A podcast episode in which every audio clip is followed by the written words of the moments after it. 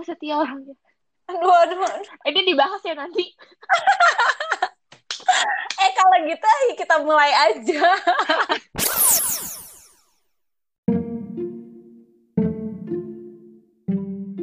Halo, senang terhubung lagi dengan kalian. Hari ini kita akan membahas topik ketiga berkaitan dengan toxic relationship atau hubungan beracun. Ciri ketiga yang perlu diwaspadai adalah ketika kita mulai merasa tidak nyaman membicarakan masalah bersama.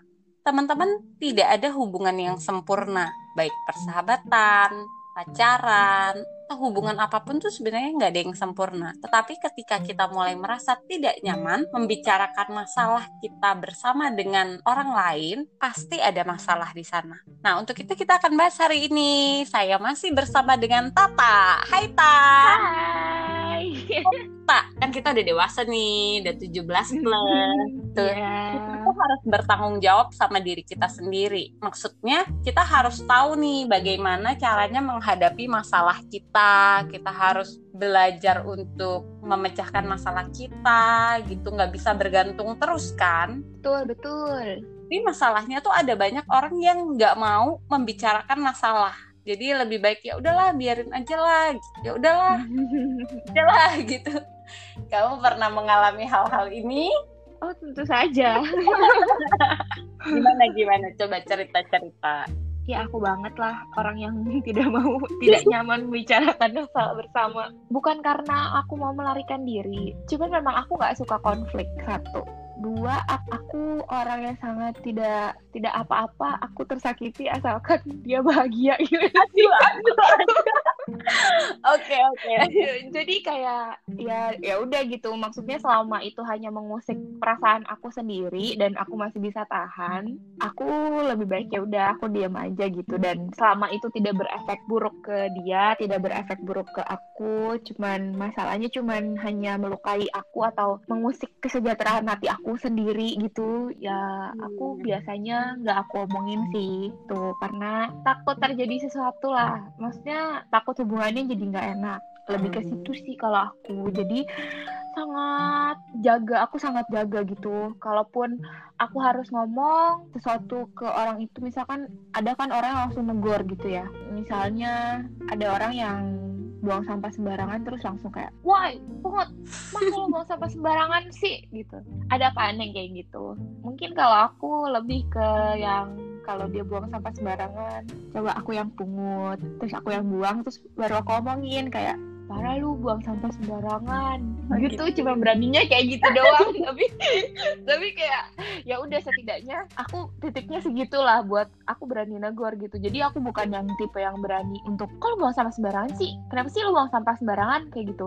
Itu bukan aku banget. Jadi aku orang yang sangat jaga dan aku yakin di luar sana banyak sih. Mungkin lebih banyak orang yang kayak aku kali ya. Pasti teman-teman yang dengar bisa relate lah.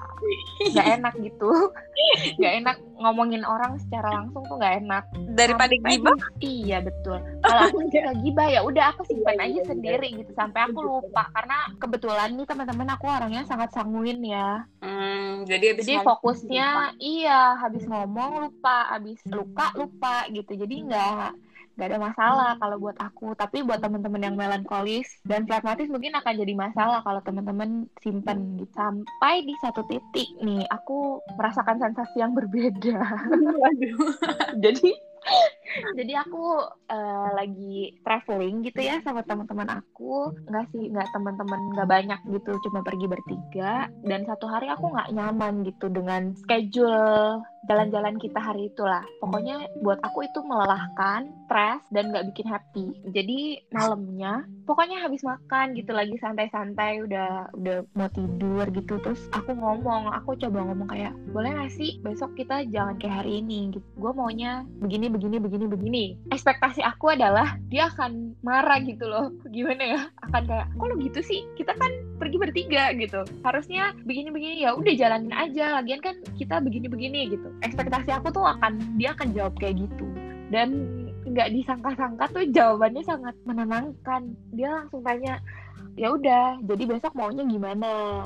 Jadi besok lo maunya begini begini begini ya iya gue maunya kayak gitu. Oke okay, gitu. Terus aku bener-bener itu aku nggak pernah ngalamin situasi seperti itu gitu di sepanjang hidup aku. Aku baru tahu ternyata aku bisa gitu ngomongin sesuatu yang aku pengen gitu. Ya kalau teman-teman dengerin podcast dua minggu lalu kan aku orang yang sangat tidak bisa memutuskan ya. Dengerin kalau belum denger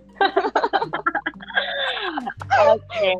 Gitu. Nah, jadi hari itu aku kaget sih dengan situasi itu bahwa ternyata nggak kita pikirin akan terjadi tuh akan terjadi seburuk itu gitu. Bisa aja hasilnya lebih baik kalau kita mau.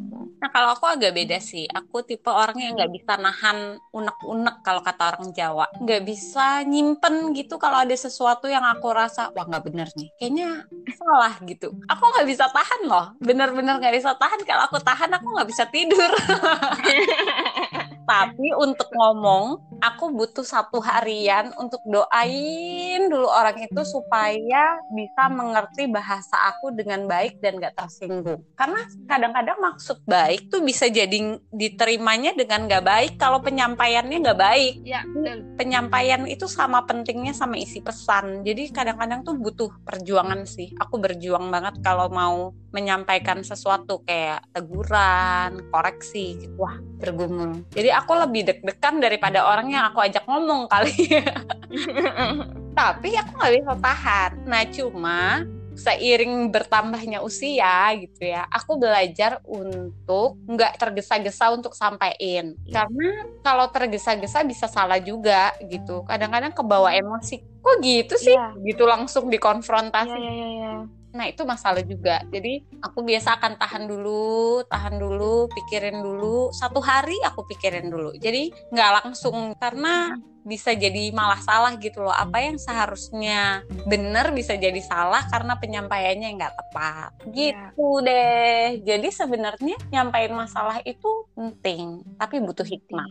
Iya. Karena teman-teman di dalam Alkitab juga ya kalau kita mau lihat itu Tuhan Yesus juga menyampaikan kesalahan gitu loh. Maksudnya kalau ada sesuatu yang salah, Tuhan Yesus tuh nggak segan-segan untuk bilang dengan keras bahkan kesannya seperti marah gitu. Marah. Tapi marah nggak sama sama pemarah, ingat ya. Marah dan pemarah itu beda kalau pemarah itu udah jadi sifat gitu jadi mau diapain aja dia marah gitu tapi kalau marah di waktu yang tepat itu bisa jadi berkat. Jadi jangan ragu-ragu untuk menegur menyampaikan koreksi. Bahkan kalau perlu kalian harus marah untuk sebuah kesalahan atau dosa. Nggak apa-apa. Tapi penyampaiannya juga harus dipikirkan. Butuh hikmat kita akan baca dua ayat Alkitab nih tak Tata yeah. baca Yakobus ya. Yakobus 1 ayat 19 sampai 20, aku baca Amsal 14 ayat 29.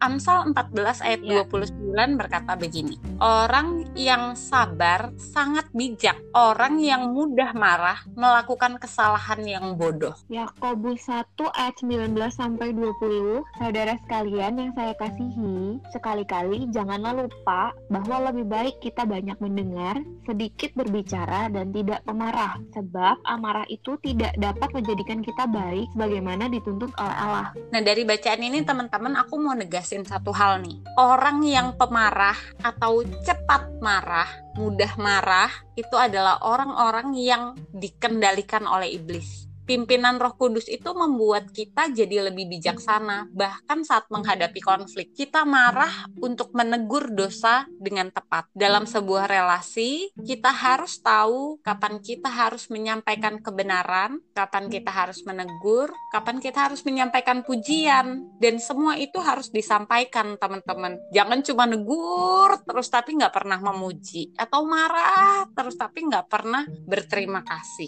Nah, itu sebabnya dalam dalam sebuah hubungan kita harus berani berhadapan dengan konflik. Kita harus berani berhadapan dengan persoalan karena melewati konflik buat hubungan kita jadi lebih baik. Bener nggak tak setelah kamu ngomong betul. kamu ngerasa hubunganmu jadi lebih baik kan ya? Jadi lebih kenal bener gak iya betul betul. Jadi kayak kalau ngobrol lagi ya kalau mau ngungkapin apa-apa jadi lebih tenang aja karena udah tahu gitu oh dia bukan ternyata nggak seperti yang aku bayangkan gitu Nah, kalau nggak berani ngomong sama dia Oke deh, kalau sampai nggak berani bahas tentang konflik, berarti ada masalah teman-teman. Mari selidiki hubungan kita. Jangan-jangan ada sesuatu yang tersembunyi. Saat berhadapan dengan konflik, lihat apakah hubungan kita jadi lebih baik atau hubungan kita menjadi racun yang merusak diri dan merusak relasi. Sampai ketemu minggu depan.